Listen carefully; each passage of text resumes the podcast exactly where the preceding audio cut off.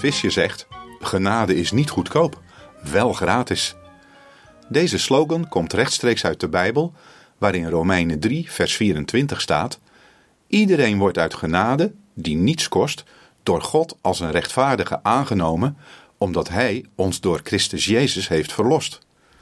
Dat klinkt gemakkelijk, maar het is voor ons mensen zo moeilijk aan te nemen. Het mooiste wat er is, zomaar krijgen. Nee, daar moet je toch echt voor werken of voor betalen.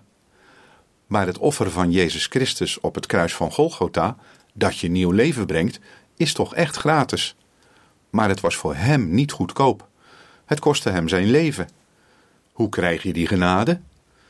Daar is een gebed voor nodig waarin je serieus vraagt of Jezus echt de Zoon van God is, die ook voor jou is gestorven.